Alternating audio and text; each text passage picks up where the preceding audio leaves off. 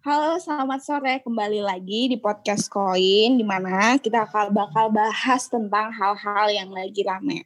Sebelumnya, kami akan memperkenalkan diri kami. Nama saya Sabtini Manik, dan ada teman saya, Yustil Eza Mahendra, Dinda Afrina, Nurul Mardiati, Jessica Nikita Rahel, dan Zahra. Di sini kita bakal bahas tentang peran Uni Eropa dalam menangani COVID-19. Nah, eh, seperti yang kita ketahui nih, COVID-19 itu kan sekarang udah lagi menyebar rame banget. Bahkan eh, negara-negara kawasan yang ada di Eropa eh, negara kedua tertinggi dengan kasus tertinggi positif ke COVID-19 setelah kawasan Amerika.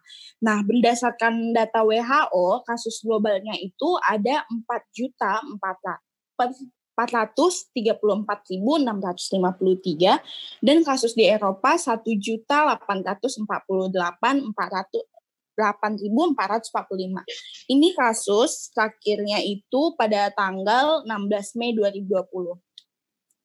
Nah, eh, dalam kasus COVID-19 yang lagi ramai di Uni Eropa di Ero, kawasan Eropa ini ada nih yang eh, bantu di Uni Eropa di Eropa buat menangani COVID-19. Salah satunya itu Uni Eropa.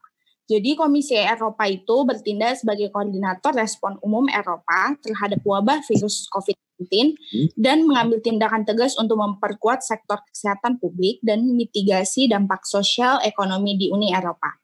Nah, Uni Eropa ini berperan untuk memobilisasi segala cara untuk membantu negara-negara anggota Bahkan Presiden Komisi Eropanya itu mengkoordinasi respon terhadap pandemik ini. Uh, kalau sejak terkonfirmasinya kasus pertama virus corona di Eropa itu, itu pada bulan Februari. Nah, di situ Komisi Eropa mengeluarkan empat pengadaan bersama peralatan perlindungan pribadi dan perangkat medis dengan negara-negara anggotanya uh, dalam menangani COVID-19 ini, Uni Eropa tidak hanya memberikan respon dalam sektor kesehatan, namun area penanganan Komisi Uni Eropa ini di antaranya ada sektor transportasi dan perjalanan, penelitian dan inovasi, kesalahan informasi, pekerjaan dan ekonomi, krisis manajemen, dan solidaritas. Solidaritas, digital, dan bantuan darurat. Nah, berdasarkan respon-respon yang dikasih oleh Uni Eropa ini, apakah yang jadi pertanyaan kita adalah apakah dapat mengurangi angka kasus COVID-19 di Eropa ini atau bahkan sebaliknya? Mungkin aku mulai dengan pertanyaan apa aja sih bentuk respon yang dikeluarkan Komisi Uni Eropa dalam area penanganan COVID-19? Mungkin kita mulai mungkin kita bisa mulai bahas melalui sektor transportasi dan perjalanan. Ada yang mau ngasih pendapat gak? Um, Oke, okay. uh, mungkin dari aku dulu ya. Ya, uh, sekali lagi kenalin nama aku Yusra Zamahendra. Uh, mungkin di sini aku mau sharing-sharing aja bareng kita semua sebenarnya gimana sih respon dari Uni Eropa sendiri dalam uh, menangani COVID-19 ini sendiri, terutama di sektor uh, transportasi, perjalanan, dan juga digital. Nah, uh, perlu kita ketahui bahwa sebenarnya awal dari COVID-19 ini adalah uh, wabah endemik di mana hanya ada pada saat itu uh, di Wuhan, China. Sampai akhirnya um, uh, wabah tersebut mulai menyebar ke berbagai wilayah negara-negara yang ada di seluruh dunia. Nah, pada akhirnya uh, di beberapa negara di dunia seperti di Eropa juga ini menjadi penyakit impor yang di mana uh, wabah ini merupakan wabah yang dibawa dari China kemudian sampai kepada um, Eropa itu sendiri. Nah, makanya kemudian pada saat um, wabah ini berubah menjadi penyakit pandemik yang di mana menyebar ke seluruh dunia, maka dari itu banyak dari negara-negara di seluruh dunia, terutama yang uh, mendapat status zona merah ini, kemudian memperlakukan lockdown. Lockdown ini dengan artian bahwa tidak adanya perjalanan atau uh, apa ya uh, perjalanan dari satu daerah ke daerah lainnya dengan maksud untuk memutus uh, mata rantai COVID-19 ini sendiri. Nah, salah satu kebijakan yang dilakukan oleh pemerintah-pemerintah di berbagai negara di dunia, terutama di Eropa ini adalah pembatasan uh, penggunaan transportasi, kemudian pembatasan perjalanan, yang pada akhirnya ini juga sebenarnya ya kurang lebih bisa berefek terhadap pengurangan uh, pandemi COVID-19 ini sendiri. Nah, kalau kita lihat sekarang di Eropa itu kan seluruh perbatasan di Eropa, di Eropa itu sudah ditutup semua. Jadi uh, negara perbatasan-perbatasan itu udah nggak ada lagi aktivitas-aktivitas di sana di mana uh, masyarakat bisa bermobilisasi dari satu negara ke negara lain. Uh, ini juga uh, merupakan efek dari pemberlakuan lockdown itu sendiri atau uh, mungkin sebagian negara juga memperlakukan uh, PSBB-nya sendiri kayak gitu. Nah, sebenarnya setiap negara-negara di Eropa ini sebenarnya punya uh, polusinya masing-masing gitu kebijakannya masing-masing di setiap negara. Kalau misalnya kita lihat di Italia itu Italia itu benar-benar diberlakukan lockdown seutuhnya. Jadi benar-benar kita nggak bisa beraktivitas nggak bisa menggunakan transportasi.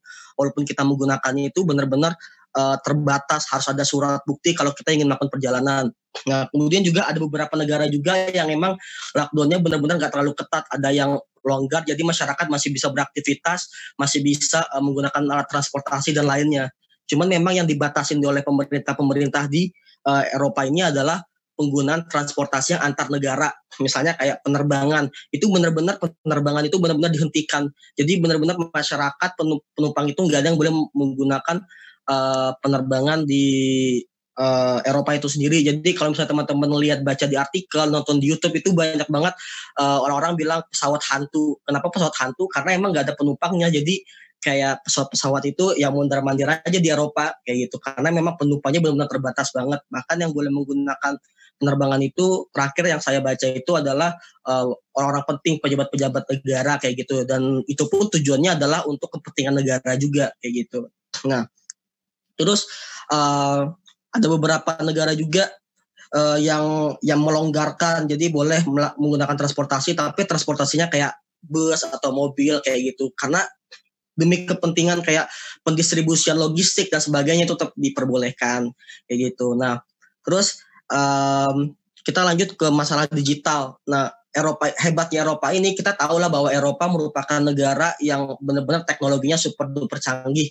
Nah, dengan menggunakan digital ini juga eh, negara-negara di Eropa itu uh, benar-benar kompak untuk mengeluarkan satu aplikasi di mana aplikasi itu bisa ngedeteksi kontak yang terjadi antara uh, orang gitu. Jadi ada orang yang kena COVID-19, nanti kita ngelakuin deteksi siapa-siapa aja orang yang sudah melakukan kontak dengan uh, orang yang, ter yang terkena positif COVID-19 ini sendiri. Jadi itu uh, uh, Eropa itu sudah punya aplikasi seperti itu. Walaupun memang dalam pengaplikasi dalam penggunaannya juga uh, belum terlalu efektif kayak gitu. Karena memang kalau kita lihat sampai sekarang pertumbuhan uh, atau penyebaran COVID-19 ini masih sangat tinggi di Eropa dan juga memang kalau kita lihat uh, terjadi gelombang kedua gitu penyebaran COVID-19 ini sendiri. Nah, kabar baiknya juga buat masyarakat-masyarakat di Eropa juga terkait dengan sektor digital ini, uh, pemerintah uh, di beberapa negara di Eropa itu mereka memberikan akses gratis bagi masyarakat untuk mengakses kayak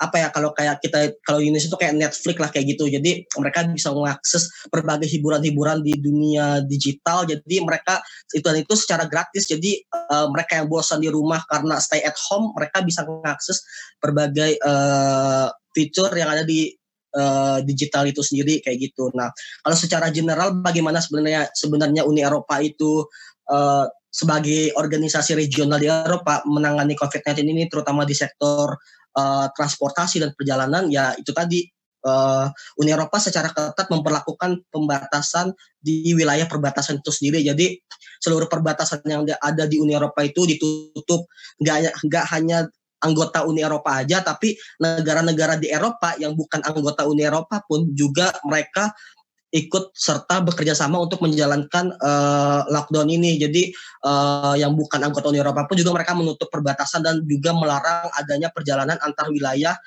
ke berbagai negara-negara di Eropa. Nah, kurang lebih seperti itu untuk uh, di sektor transportasi, perjalanan dan juga digitalnya.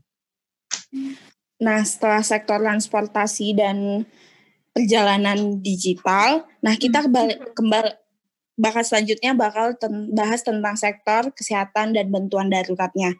Gimana Kak Dinda? Ya, uh, kenalin dulu semua. Halo, aku Dinda Aprina, bisa dipanggil Dinda.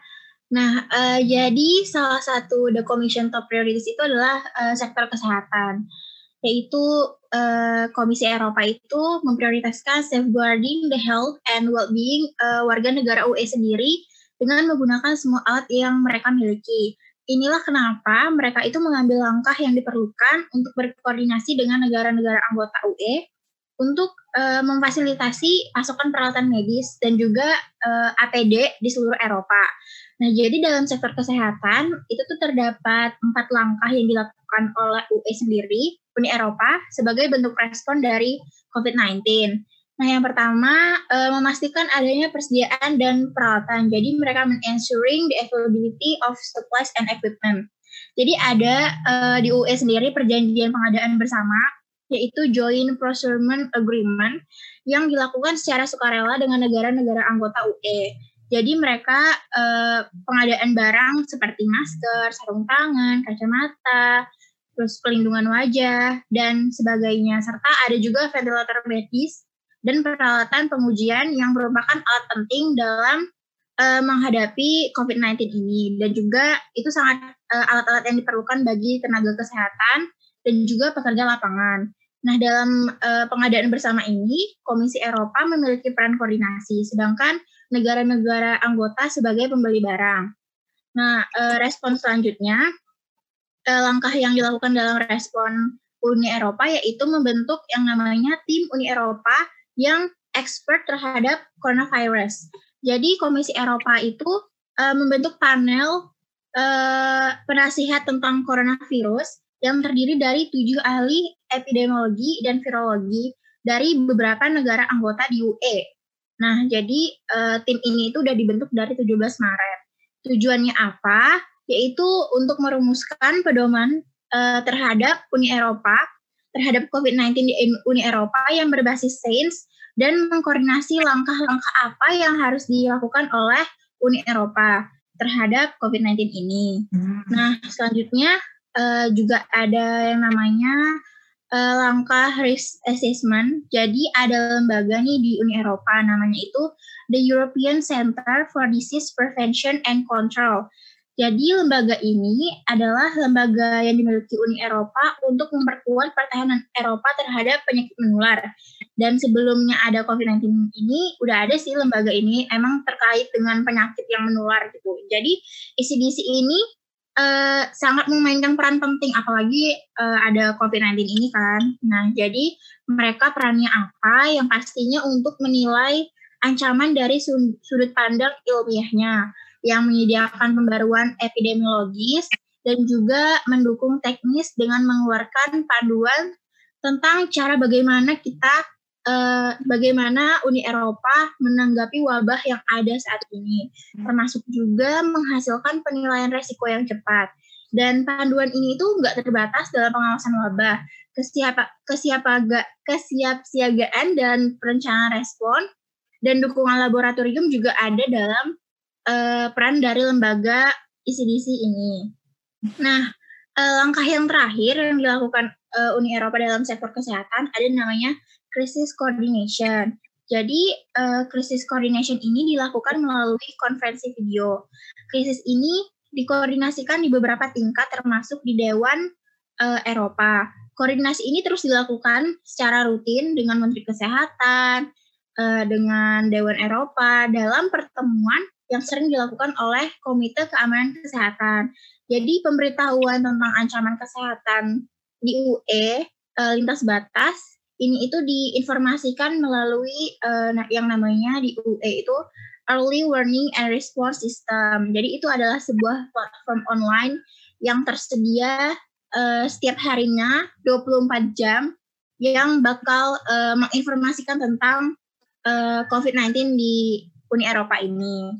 Nah, kalau membahas tentang bantuan darurat, jadi di UE itu ada yang namanya Emergency Support instrumen tentang bantuan darurat. Nah, jadi the emergency support instrument ini itu adalah financing arm dari dari Joint European Roadmap.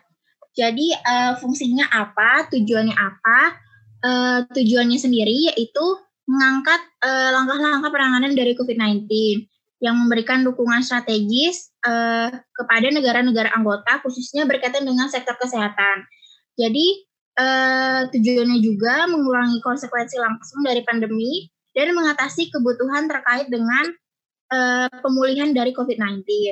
Nah, emergency support instrument ini juga fokus pada langkah-langkah yang dilakukan secara strategis untuk memberikan dampak yang lebih besar jika diambil dari tingkat Uni Eropanya.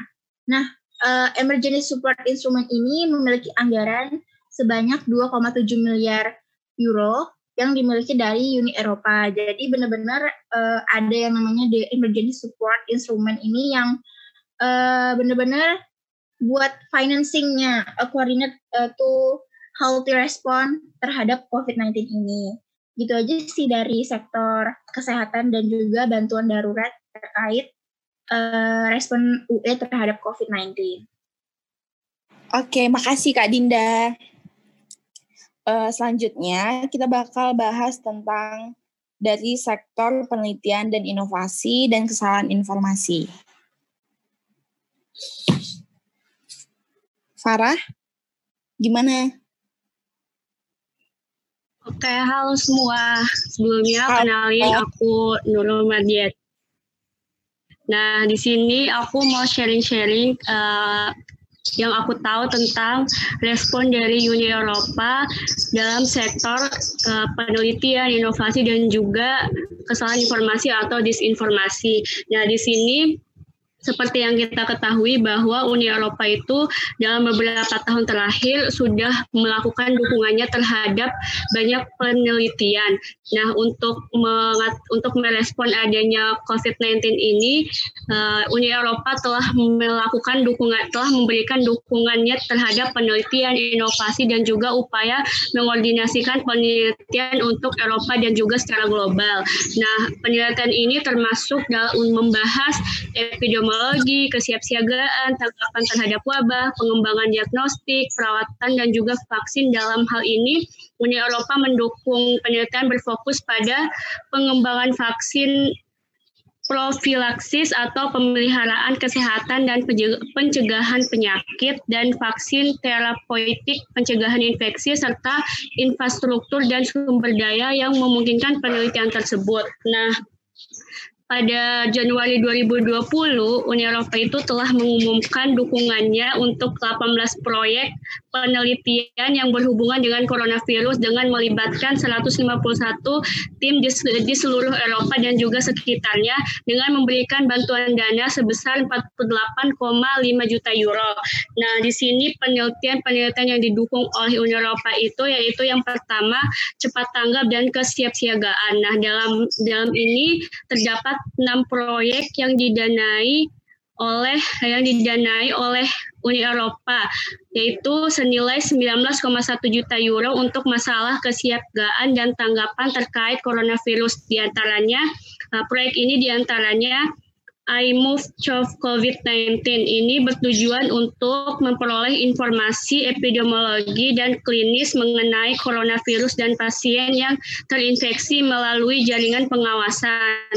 Nah, juga ada eh, namanya proyek Recover. Nah, proyek ini bertujuan mengumpulkan data secara komprehensif dan dari berbagai studi klinis dan epidemiologis terhadap penyakit menular yang mungkin terjadi di masa depan.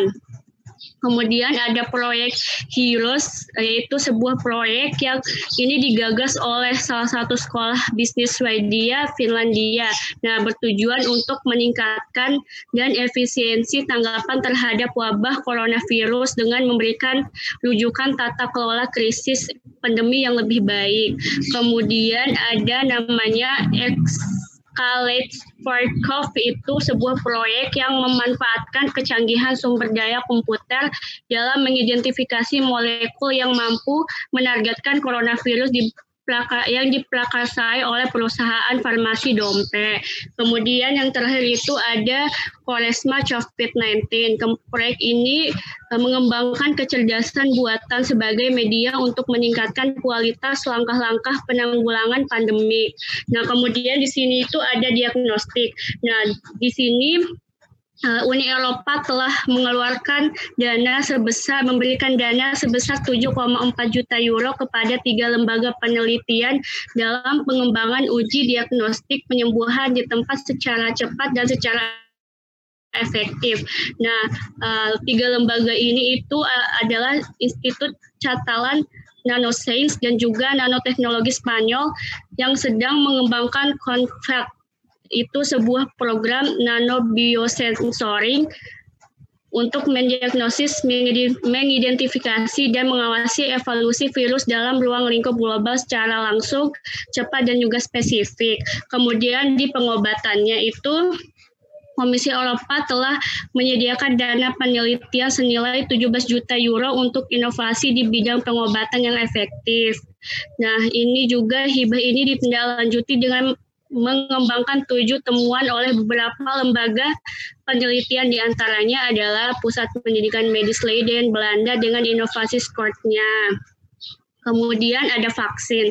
Nah, di sini pada 16 Maret 2020 Komisi Eropa menyiapkan dan menyiapkan dana hingga 80 juta euro untuk mendukung CureVac itu pengembangan vaksin vaksin inovatif dari Tübingen Jerman dengan tujuan untuk meningkatkan pengembangan dan produksi vaksin terhadap coronavirus. Kemudian yang terakhir itu ada disinformasi. Nah, seperti yang kita ketahui bahwa banyak sekali uh, platform atau media online yang memberikan berita berita-berita palsu terhadap terkait dengan kasus COVID-19 COVID ini.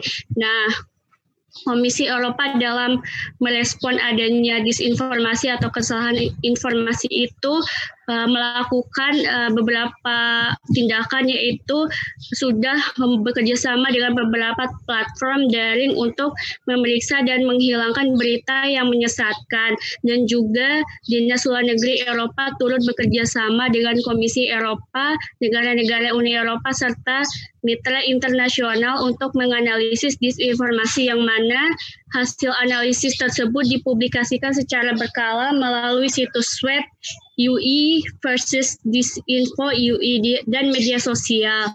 Nah, seperti itu sih untuk disinformasinya.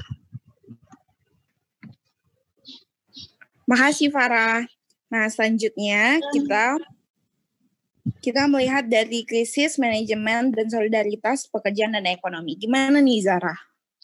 Uh, Oke, okay. Kenalin dulu namaku Zahra. Uh, di sini aku mau jelasin respon dan penanganan Komisi Uni Eropa terhadap COVID-19 dalam sektor krisis manajemen dan solidaritas.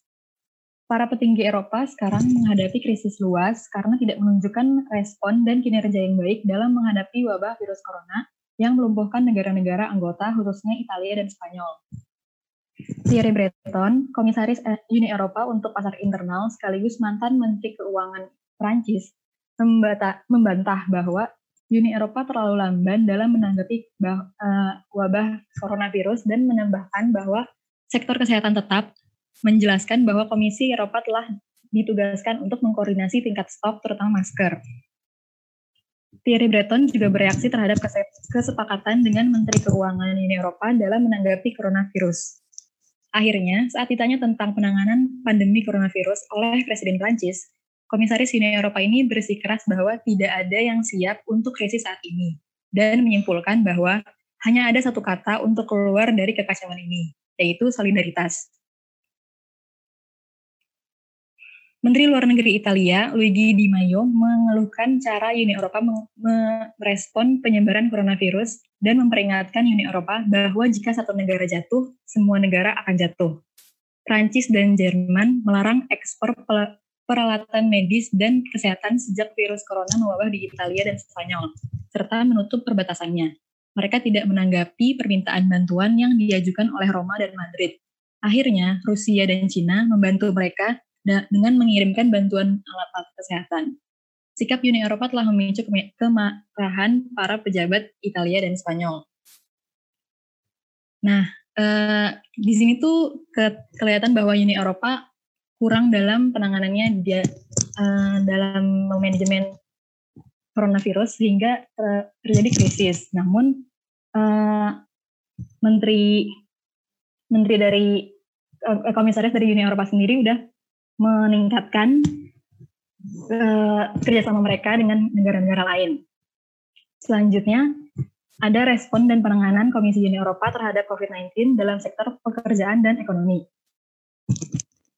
Perekonomian Uni Eropa yang anjlok dengan rekor cepat dalam kuartal 1 di tahun 2020 ini merupakan imbas dari kebijakan lockdown yang dilakukan dengan yang dilakukan oleh negara-negara di kawasan tersebut akibat coronavirus. Estimasi awal menunjukkan pertumbuhan ekonomi Uni Eropa terkontraksi atau minus 3,8 persen dalam periode Januari sampai Maret 2020. Angka ini lebih buruk dibandingkan ketika krisis keuangan global tahun 2000 eh di keuangan global di 12 tahun yang lalu. Data lain menunjukkan kegiatan ekonomi di Prancis dan Spanyol merosot drastis selama periode tersebut. Di Jerman, angka, penang, angka pengangguran meningkat, meski masih relatif rendah dibandingkan negara-negara lainnya. Pertumbuhan ekonomi Prancis diestimasikan minus 5,8 persen pada Januari sampai Maret 2020. Ini adalah rekor terendah mereka sejak data pertumbuhan ekonomi negara itu diumumkan pada tahun 1949. Adapun pertumbuhan ekonomi Spanyol tercatat minus 5,1 persen dan pertumbuhan ekonomi Italia minus 4,7 persen. Andrew Cunningham dari Capital Economics menyatakan bahwa data bahwa data ekonomi kawasan Uni Eropa tersebut mengonfirmasi ke perekonomian kawasan ini resmi anjlok. Nah, untuk menjaga agar perekonomian ini tetap berjalan, eksekutif Uni Eropa memperkenalkan cara-cara untuk menjaga fleksibilitas dana dan pengeluaran nasional Rencana ini melibatkan ESM atau European Stability Mechanism, EIB, dan juga Komi dan juga Commission Jur. Negara-negara anggota dan para petinggi Uni Eropa telah menyadari akan kebutuhan dan penyusunan rencana pemulihan untuk beberapa bulan mendatang. Rencana tersebut bernama Economic Response Package yang akan dilakukan guna melindungi perusahaan dan para pekerja dari dampak pandemi COVID-19. Rencana ini mempunyai empat langkah, yaitu yang pertama adalah menangguhkan stabilitas dan pertumbuhan, yaitu fakta dan peraturan fiskal Uni Eropa, sehingga negara-negara negara-negara anggota dapat berinvestasi di luar batas pengeluaran mereka dan terlepas dari tingkat utang dan defisit untuk melawan krisis COVID-19. Yang kedua adalah melonggarkan aturan bantuan negara yang dimaksudkan untuk menjaga persaingan yang sehat dalam pasar tunggal untuk memungkinkan negara mendukung perusahaan, khususnya yang terkena dampak pandemi atau berinvestasi di sektor strategis seperti produksi peralatan medis. Ketiga, yaitu menyalurkan dana struktural Uni Eropa yang digunakan untuk memerangi ketidaksetaraan regional dan mengusulkan untuk memudahkan transfer antara prioritas dan wilayah, sehingga negara-negara anggota dapat menggunakan dana ini dalam tanggapan coronavirus dan ini akan menciptakan sekitar 37 miliar euro. Yang keempat, Uni Eropa mengusulkan untuk memperluas cakupan European Solidarity Fund atau dana solidaritas Eropa sehingga mencakup juga darurat kesehatan masyarakat yang diperlu yang diperluas hingga 800 juta euro. Sekian dari saya. Uh, makasih Sarah. Nah, setelah tadi banyak langkah langkah-langkah yang diambil oleh Uni Eropa ini seperti kayak tadi ada lockdown, ada bantuan darurat. Gimana sih perkembangan kasus yang ada di kawasan Eropa setelah adanya langkah-langkah yang dilakukan oleh Uni Eropa ini sendiri? Um, ya, baik di sini saya Jessica Nikita Rahel akan menjelaskan gimana sih perkembangan kasus di Eropa ini sendiri.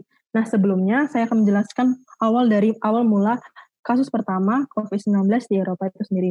Nah, Kasus pertama di, Uni, di Uni Eropa itu pertama kali ditemukan pada tanggal 24 Januari 2020, tepatnya di um, tepatnya di negara Prancis. Dan um, apa um, kasus ini um, dikonfirmasi di Paris bertepatan karena mereka baru berpulang dari Cina.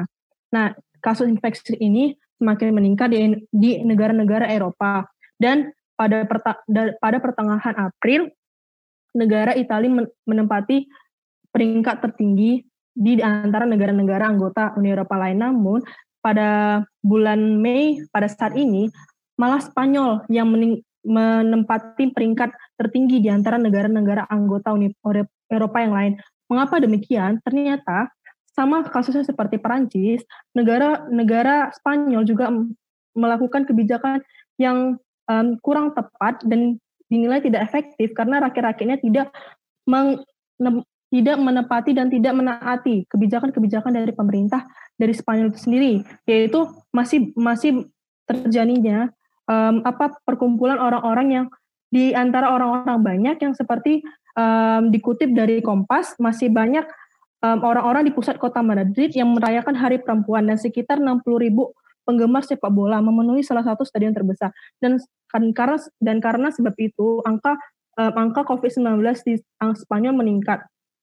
Melihat juga beberapa beberapa um, peran-peran Uni Eropa dalam sektor seperti transportasi, trans kebijakan, eh maksudnya kesehatan itu um, sudah hampir semua sudah di, di, ditaati oleh beberapa negara anggota Uni Eropa. Dan hal ini bisa dilihat karena angka angka kasus COVID-19 di Italia dan juga beberapa negara anggota Uni Eropa lain tuh tetap um, sudah mulai menurun dan stabil karena berkat bantuan dari Uni Eropa itu sendiri. Seperti itu, Septi. Nah, makasih JJ. Nah, bagaimana nah selanjutnya itu kita bahas tentang gimana sih langkah preventif Uni Eropa itu supaya Uni Eropa itu supaya angka grafik kasus COVID-19 di negara anggota Uni Eropa itu ya kalau nggak berkurang setidaknya nggak bertambah gitu. Oke, okay, um, ya aku boleh jawab ya? Oke, okay, boleh dong. Oke, okay, jadi um, ngomongin masalah tindakan preventif nih sebenarnya um, kalau ngomongin preventif uh, sekarang sih sebenarnya emang udah nggak ada pentingnya lagi sih ngomongin preventif karena emang ini jadi pandemik udah jadi pandemik dan seluruh negara juga udah kena uh, COVID-19 ini sendiri gitu. Jadi uh, ya yang apa yang dilakukan pemerintah sekarang ini adalah gimana caranya buat menjaga uh, kondisi masyarakat juga yang terkena virus corona juga lebih stabil dan landai kan kayak gitu. Nah, sebenarnya pada awal uh, COVID-19 ini muncul di China, sebenarnya negara-negara di dunia itu kayak santai, kayak menyepelekan COVID-19 ini sendiri karena mereka berpikirkan bahwa ya COVID-19 ini hanya terjadi di, di Cina di Wuhan dan nggak akan uh, nyebar ke mana-mana kayak gitu sampai akhirnya uh, satu persatu negara-negara di dunia itu mulai terkena virus corona karena salah satunya itu ada di Italia.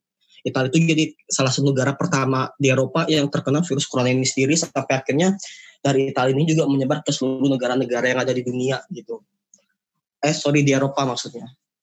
Nah, e, gimana cara nyelesain nyelesain uh, masalah COVID-19 ini di Eropa menurut menurut dari aku pribadi sih ya sebenarnya kebijakan lockdown yang dilakukan oleh pemerintah itu udah cukup baik.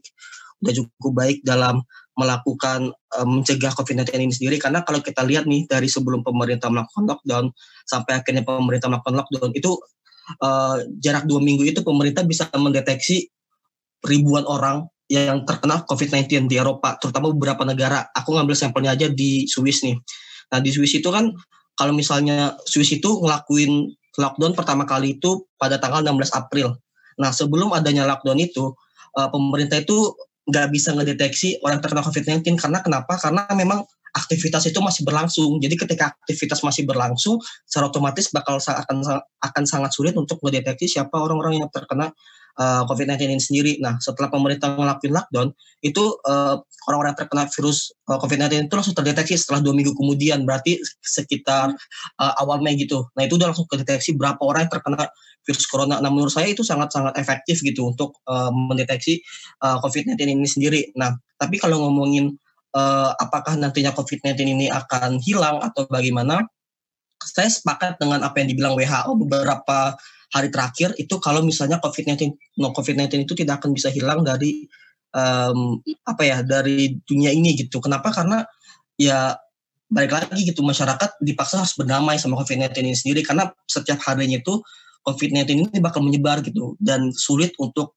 dihilangkan apalagi penyebarannya itu juga lewat interaksi dan gak mungkin masyarakat juga dipaksa untuk berhenti berinteraksi satu sama lain kayak gitu jadi um, sejauh ini pemberlakuan PSBB, lockdown, social distancing, physical distancing itu sudah cukup uh, membantu negara-negara di dunia sih untuk melaku untuk mengurangi atau membuat uh, korban COVID-19 ini semakin landai gitu. Tapi untuk benar-benar menghilangkan, saya rasa akan sangat sulit, apalagi dengan kondisi di mana uh, negara-negara ataupun para peneliti pun belum mampu menemukan vaksin atau uh, obat dari COVID-19 ini sendiri kayak gitu. Jadi uh, ya per preventif itu mungkin lockdown ini bisa dikatakan preventif, tapi bisa dikatakan juga untuk mengurangi.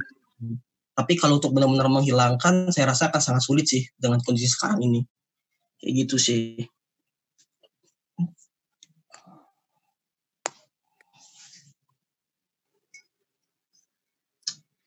Uh, nah, setidaknya lockdown itu sih menurut aku ya setidaknya kok berkurang, nggak tambah.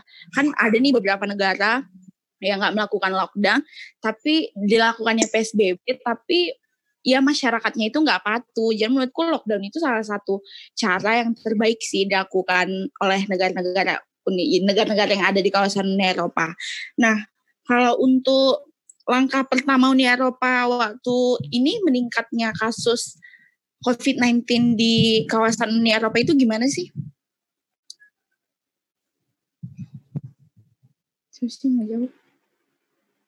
Uh, ya coba menjawab nih ya mungkin uh, nggak jauh beda sih sama langkah preventifnya jadi ya waktu awal uh, ada kasus di UE di Eropa sendiri mungkin ya yang pertama dilakukan pasti ya, melakukan uh, social distancing pembatasan juga terkait transportasi pembatasan uh, menutup sekolah juga salah satunya melakukan social distancing grup sekolah dan juga dan berakhir dengan uh, pemberlakuan lockdown.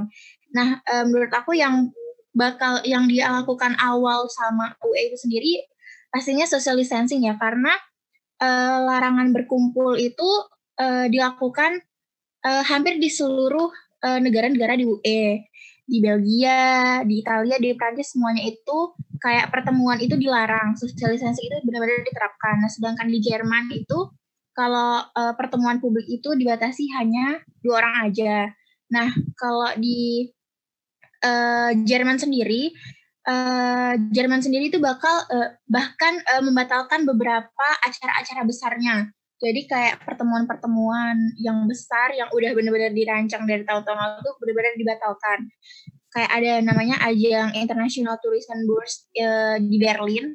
Itu tuh benar-benar pameran pariwisata terbesar di dunia jadi itu benar-benar dibatalin sama Jerman dan aku juga baca uh, perhelatan besar di negara-negara UE lain itu benar-benar juga dibatalin jadi benar-benar melakukan social distancing mungkin itu sih yang langkah awal yang dilakukan oleh uh, negara-negara di Eropa yang selanjutnya mungkin penutupan sekolah lalu pembatasan transportasi terus penutupan bandara juga mungkin itu sih kalau dari aku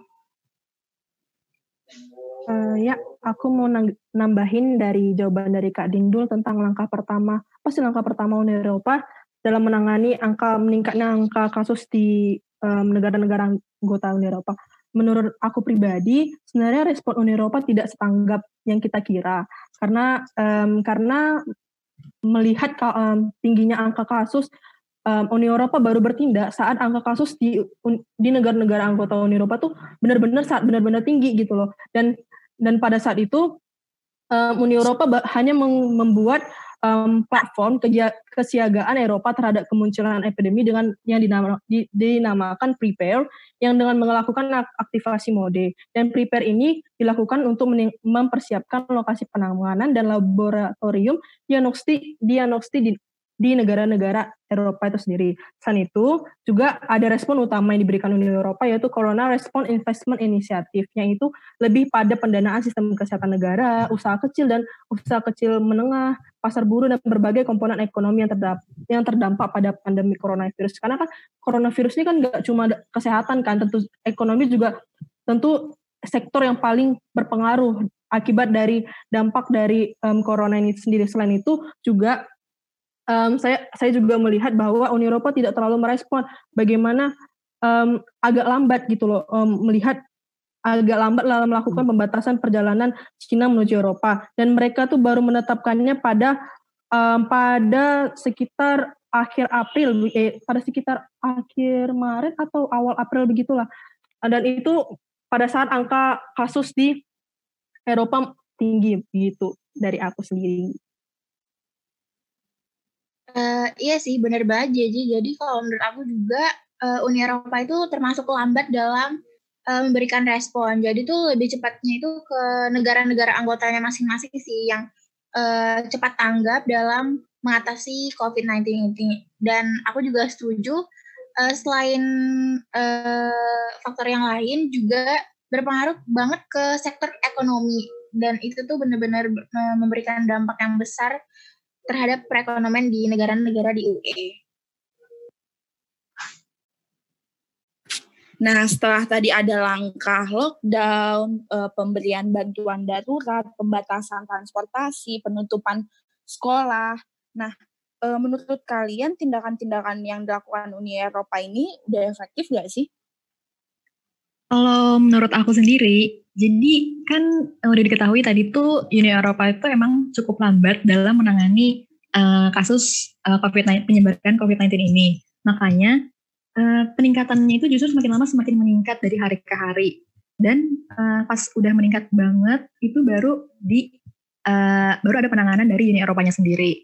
Nah, penanganan-penanganan yang udah mereka lakuin, yang tadi udah disebutin sama Kak Dinda, lockdown, terus uh, pembatasan transportasi, dan penyebaran uh, apa namanya alat-alat kesehatan, itu cukup efektif karena uh, kalau dilihat lagi grafiknya, itu lama-kelamaan sedikit menurun. Jadi grafiknya itu kan yang tadinya uh, rendah terus naik, naik banget, itu sekarang udah uh, mulai menurun sedikit demi sedikit.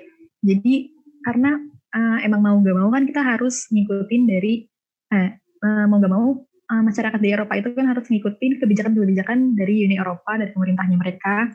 Dan setelah mereka mengikuti kebijakan mereka uh, dari pemerintah dan Uni Eropa itu terbukti lumayan efektif untuk mengurangi korban-korban dan uh, mengurangi kasus-kasus yang positif. Nah, itu sih menurut saya. Oke, okay, uh, mau nambahin sedikit juga sih. Uh, sebenarnya kalau kita ngomongin kebijakan yang dibuat oleh pemerintah itu efektif atau enggaknya juga kita ngelihat uh, ke arah mana uh, kebijakan ini di, di, diarahkan dan bagaimana kepatuhan masyarakat juga terhadap kebijakan ini kayak gitu. Nah, kalau kita lihat di Uni Eropa itu sendiri sebenarnya uh, ini kehebatan dari Uni Eropa di Eropa juga sih. Kenapa? Karena memang uh, setiap kali pemerintahnya itu membuat kebijakan, masyarakatnya pun juga dengan patuh ngejalanin kebijakan yang dibuat oleh pemerintah itu sendiri kayak gitu. Nah, terus juga dari pemerintah-pemerintah di Uni Eropa juga mereka uh, benar-benar memonitoring kebijakan tersebut dengan sangat hati-hati di mana uh, kayak pembat kebijakan lockdown terus juga PSBB juga pemerintah benar-benar nerjunin uh, aparatur keamanan kayak polisi, tentara dan sebagainya buat ngejaga perbatasan, ngejaga jalan dan sebagainya biar benar-benar masyarakat itu uh, matuhin kebijakan lockdown atau PSBB ini sendiri kayak gitu. Jadi uh, ini uh, pemerintah dan masyarakat sama-sama bersinergi untuk uh, nanganin uh, COVID-19 ini sendiri kayak gitu. Nah, kalau kita ngomongin seberapa efektif Uni Eropa, sebenarnya kalau aku ngelihat di sini ini lebih kepada kebijakan dari masing-masing negaranya kayak gitu. Jadi uh, apa ya? Kalau kita ngelihat itu kan setiap negara itu kan punya kebijakan yang berbeda-beda tuh. Uh, Italia kebijakannya lockdown ketat, ada yang kayak uh, Denmark itu udah lockdownnya longgar dan sebagainya. Jadi menurut aku uh, di sini peran Uni Eropa itu lebih kepada gimana uh, Uni Eropa itu ngebantu negara-negara di Uni Eropa untuk uh, apa ya agar ekonominya nggak terpuruk gitu. Jadi kalau aku ngeliat di sini uh, peran Uni Eropa itu lebih kepada sektor ekonomi, terus juga sektor kesehatan di mana Uni Eropa juga ngebantu untuk ngasih apa kayak bantuan-bantuan kayak alat pelindung diri, kemudian juga uh, rumah sakit rumah sakit dan sebagainya. Jadi lebih kepada bantuan-bantuan yang sifatnya material kayak gitu. Tapi kalau yang kayak polisi-polisi yang kayak lockdown, PSBB, social distancing dan sebagainya itu lebih kepada masing-masing negara kayak dibilang beberapa berbagai uh, pemerintah-pemerintah di berbagai negara dunia juga bahwa kebijakan lockdown di setiap negara itu berbeda-beda. Jadi kita nggak bisa menyamaratakan lockdown di Italia sama lockdown di Denmark itu otomatis bakal beda gitu. Jadi nggak bisa disamakan. Nah, baik lagi uh, seberapa efektifnya suatu kebijakan itu, bagaimana pemerintahnya mengaplikasikannya dan bagaimana juga uh, pemerintah memonitoring, mengevaluasi, kemudian juga memantau bagaimana kebijakan tersebut berjalan dengan baik kayak gitu. Jadi uh, tapi intinya kalau kita ngomongin seberapa efektif Uni Eropa saat ini uh, untuk menangani COVID-19 menurut aku sudah cukup sangat baik ya karena memang beberapa negara di Uni Eropa benar-benar angkanya udah mulai turun dan udah mulai uh, banyak yang sembuh juga kayak Jerman juga jadi, jadi salah satu negara yang benar-benar paling apa ya paling cepat lah uh, penanganan COVID-19-nya kayak gitu itu dari aku sih. Makasih. Nah kan seperti yang kita ketahui nih, COVID-19 ini kan menimbulkan banyak masalah nih di dunia. Nah, kalau untuk di negara-negara anggota Uni Eropanya sendiri, apa sih yang terjadi terjadi permasalahan di antara negara-negara anggota Uni Eropanya itu? Uh, Oke, okay, pastinya uh, masalah COVID-19 ini membawa permasalahan-permasalahan bagi negara-negara, tidak terkecuali untuk negara-negara anggota Uni Eropa. Nah, permasalahan itu uh, menurut aku pribadi datang dari kurangnya peran Uni Eropa sendiri. Nah, kita dapat kita dapat melihat bahwa dari negara-negara anggota yang cenderung memilih untuk menangani krisis uh, krisis uh, ini dalam lingkupan atau koridor domestik negara mereka masing-masing. Nah, seperti yang kita ketahui kan pastinya karakteristik dan kebijakan dari setiap negara itu berbeda-beda, tidak dapat diterapkan secara luas bagi seluruh negara di anggota Uni Eropa. Selain itu juga uh, adanya menurut aku sendiri di sini ada diskriminasi sih yang diberikan oleh Uni Eropa di mana di sini yang diwakili oleh Jerman dan Prancis ini membatasi bantuan medis bagi negara-negara Eropa lainnya yang terdampak pandemi. Karena kita di sini bisa dilihat bahwa bisa kita lihat uh, bisa kita lihat dari uh, duta besar Italia untuk Uni Eropa mengatakan bahwa Italia telah meminta bantu meminta Uni Eropa untuk memberikan bantuan peralatan medis. Namun sayangnya tidak ada satupun negara Uni Eropa yang merespon permintaan darurat Italia. Nah uh, dari sini kita uh, dari sini uh, aku bisa nyimpulin sih lagi permasalahan terjadi di sini yaitu adanya krisis kepercayaan maupun krisis eksistensial di Uni Eropa itu sendiri. Jadi permasalahannya menurut aku itu sih.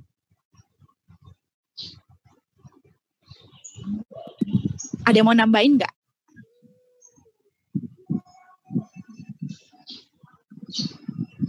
Gak ada. Nah, saya kira cukup jelas pembahasan dari peran Uni Eropa dan menangani COVID-19 uh, dari klaster Eropa. Mungkin kalau cintai kurang ada yang kurang jelas, bisa komen di IG kami, IG Coin UPNYK. Dan tadi kayaknya kaku ya guys. Hmm, iya nih. nah, sebelum uh, kita semoga COVID-19 di dunia ini cepat kelar supaya kita bisa beraktivitas seperti biasa. Uh, Amin. Jangan, jangan keluar-keluar kalau nggak penting. Oke. Okay? Uh, okay, sebagai penutupnya uh, supaya kita ini nggak tegang-tegang banget, aku mau buat pantun nih. Ya. Hey, apa tuh? ya. Dijawab ya, dijawab ya. Oke. Okay. Kalau kita pergi ke pangkalan, Astaga. makan di sawah. Lu, kalau kita tidak ada keperluan lebih baik di rumah aja. Kami dari Koin pamit undur diri. Bye. Bye. Bye. Tetap. Bye.